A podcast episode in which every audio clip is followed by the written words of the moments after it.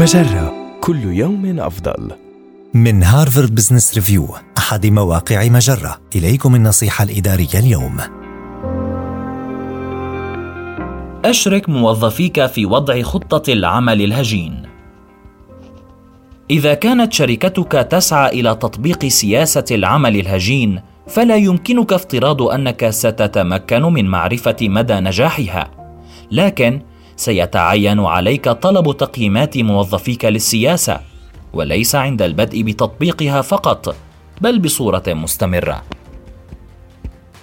وضح أنكم تقومون بتجربة السياسة ومن المحتمل تغييرها لاحقا مع مرور الوقت وتوفر الفرص لتدارسها وفحصها.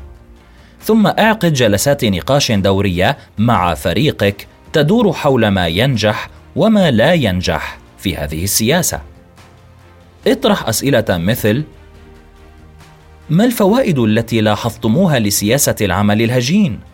و ما الصعوبات التي واجهتموها؟ و هل يتعين علينا إجراء تعديلات على مدى الربع السنوي التالي في طرق العمل التعاوني بيننا؟ التمس آراء الموظفين من دون الكشف عن هوياتهم في حال شعرت بترددهم في التحدث إليك صراحة. حتى إن تلقيت اراء حماسية حول سياستك في أثناء الربع السنوي الأول فلا تكتفي بالبت بها ونسيانها.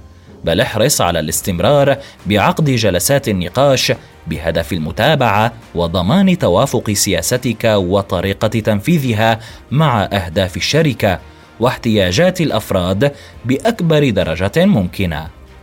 هذه النصيحة من مقال لإنجاح العمل الهجين إلتمس آراء الموظفين.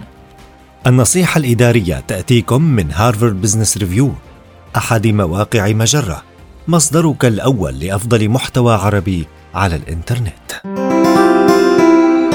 مجرة كل يوم أفضل.